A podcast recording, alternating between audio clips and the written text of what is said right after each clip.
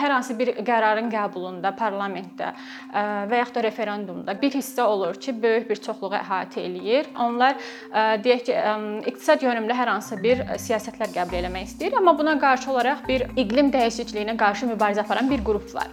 Və bu qrup necə ola bilər ki, çoxluğun hakimiyyətdə olduğu dövrdə sözlərini, fikirlərini və ümumiyyətlə siyasi qərarlara təsir etmə mexanizmini qoruyub saxlaya bilsin?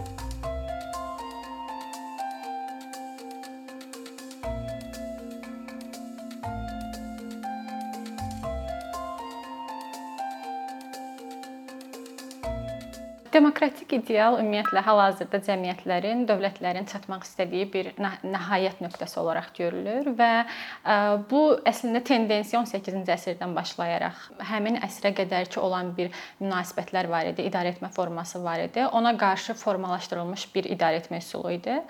Biz demokratiya deyəndə nəyi nəzərdə tuturuq? İlk öncə ondan başlayaq ki, demokratiya deyəndə xalqın idarə etməsi və yaxud da xalqın ali hakimiyyətdə əsas qüvvəyə sahib olmağı, söz sahibi olmağı deməkdir.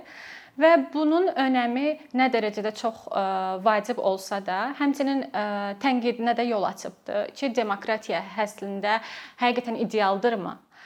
Bu tənqidə yol açan ən önəmli mövzulardan biri siyasi mənada nəzərdə tutduğumuz azlıqlar məsələsidir. Azlıq deyəndə konkret olaraq nəyi nəzərdə tuturuq? Deyək ki, bir seçki düşünək. Seçkidə qalib gələnlər var. Deyək ki, 62% qalib gəlir və bir məğlub olan tərəf var. 38% var. Və siyasi azlıq deyəndə bu şəxslər nə dərəcədə siyasi realizasiyası təmin olunur və yaxud da onların hüquqları nə dərəcədə həmin müddətdə qorunub saxlanır və ümumiyyətlə maraqları nə dərəcədə əks etdirilir? Bu belə deyək, demokratiyanın xüsusilə çoxluğun idarə etməsi baxımından əsas tənqid nöqtələrindən biridir. Və bildirilir ki, əgər müəyyən müddətə də, seçki müddətində də bu çoxluq varsa, bu çoxluq həmin gücdən istifadə edə bilərək azlıqda olan siyasi qrupu marjinallaşdıra bilər və yaxud da onlara qarşı hətta şər sayıla biləcək, çox ciddi, onların ölümünə gətirib çıxaracaq qədər bir qüvvəyə çevirə bilər. Bunun tarixdə nümunələri göstərilir ki, ən kəskin nümunələri nümunələrini hesab edə bilərik ki, məsələn soyqırımlar və yaxud da hər hansı bir siyasi qrupa qarşı həyata keçirilmiş cinayətkar aktlar.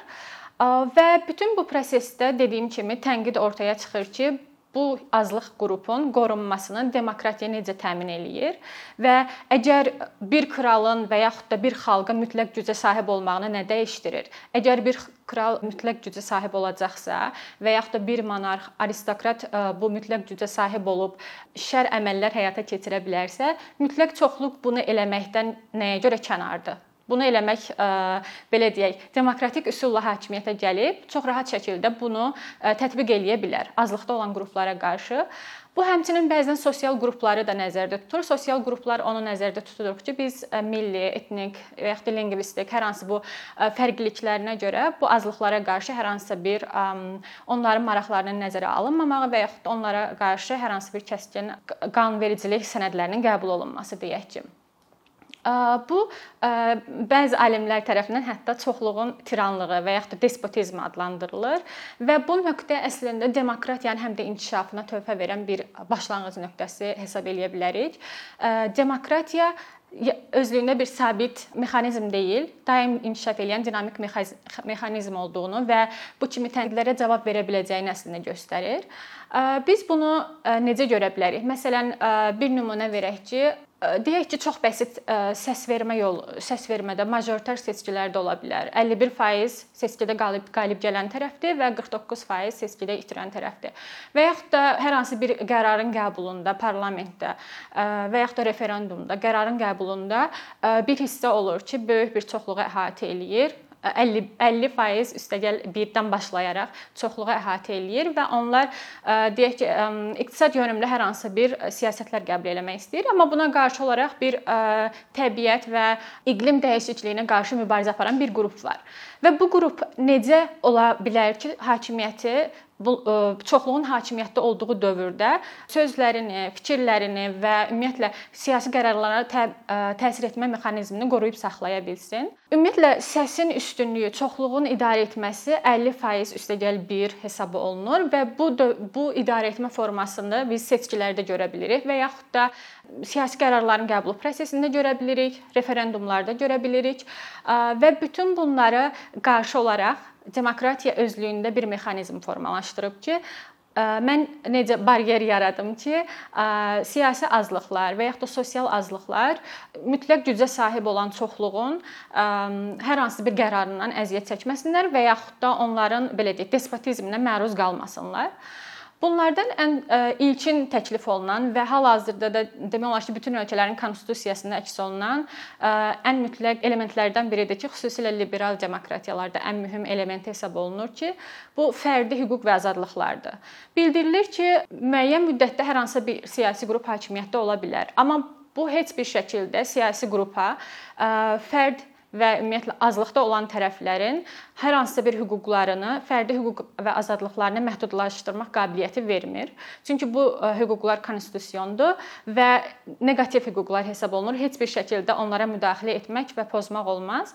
Məsələn, bunlara e, misal olaraq göstərə bilərik ki, şəxsin toplaşmaq hüququ, şəxsin media azadlığı hüququ, e, mülki və siyasi hüquqları, seçkidə iştirak etmək hüququ, toplaşmaq hüququ və bu kimi bir çox hüququ daxildir və heç bir şəkildə çoxluq hakimiyyətdə olduğu dövrdə onların ziddinə ola bilən e, bir qanun layihəsi qəbul eləyə bilməz. Çünki bu onların konstitusiya ilə qorunan bir hüququna çevrilib artıq.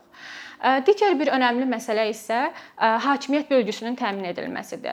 Bir çoxluğun mütləq şəkildə hakimiyyəti ələ keçirməyisinə qarşı olaraq yaradılmış ən mühüm mexanizmlərdən biri də budur ki, mütləq şəkildə hakimiyyət bölgülü olmalıdır. Qanunverici, icra edici, məhkəmə hakimiyyəti dediyimiz şey və bu bölgü onların daim bir-birini belə deyək, yoxlamaq, nəzarət etmək və funksiyalarını nə dərəcədə icra edib, icra etməməyinə qarşı bir mexanizm formalaşdırılır alır. Və bu güc bölgüsü belə deyək, çoxluğun hakimiyyətdə olduğu periodda hər hansısa bir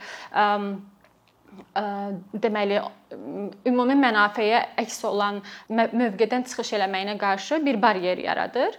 Və təbii ki, burada qanunun aliliyi də ən mühüm şərtlərdən biridir. Yəni qanun aliliyi fərdi hüquq azadlıqlarımız verilir bizə, amma bu fərdi hüquqların, azadlıqların təminatına qanunun aliliyi və bizim məhkəmə sisteminə çıxışımız çox mühüm əhəmiyyət kəsb eləyir.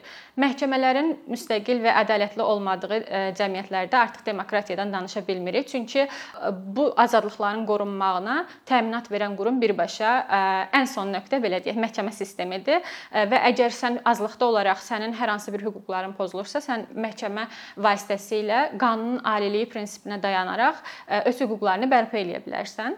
Ümumiyyətlə siyasi qərarların qəbulunda da bir neçə mexanizm formalaşdırılıb ki, bu çoxluğun azlıqlara qarşı olan bu dinamikanın, yəni onlara qarşı ola bilən və yaxud onların mövqeyinə, mənafeyinə qarşı ola bilən hər hansısa bir ziddiyyətin qarşısını almağa yönəlibdir. Bunlardan ilki mütləq çoxluq qaydasıdır. Mütləq çoxluq nə deməkdir? Yəni çox önəmli qərarların qəbulunda, bu referendumda da ola bilər ki, böyük əksəriyyətin həyatına və hüquqlarına təsir eləyə bilən məsələlərdə sadə səs çoxluğu deyil, yəni 50% plus 1 deyil, böyük əksəriyyətin səs çoxluğu önəm daşıyır və tələb olunur. Yəni məsələn deyək ki, 4də 3 hissəsinin 75%-in və yaxud da 3də 2 hissənin səsi mütləqdir ki, bu qanun qüvvəyə minsin və yaxud da konstitusiyaya hər hansı bir dəyişiklik edilsin.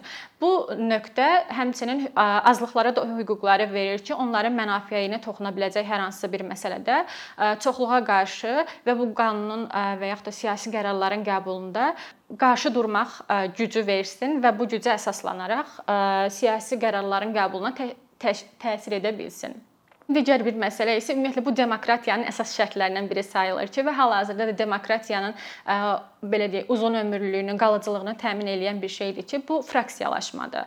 Demokratiya onu tələb eləyir ki, müxtəliflik olsun. Bu müxtəliflik hər hansısa bir çoxluğun qalıcı bir çoxluğa çevrilməsinə qarşı bir immunitet yaradacaq. Burada nə demək istəyirik?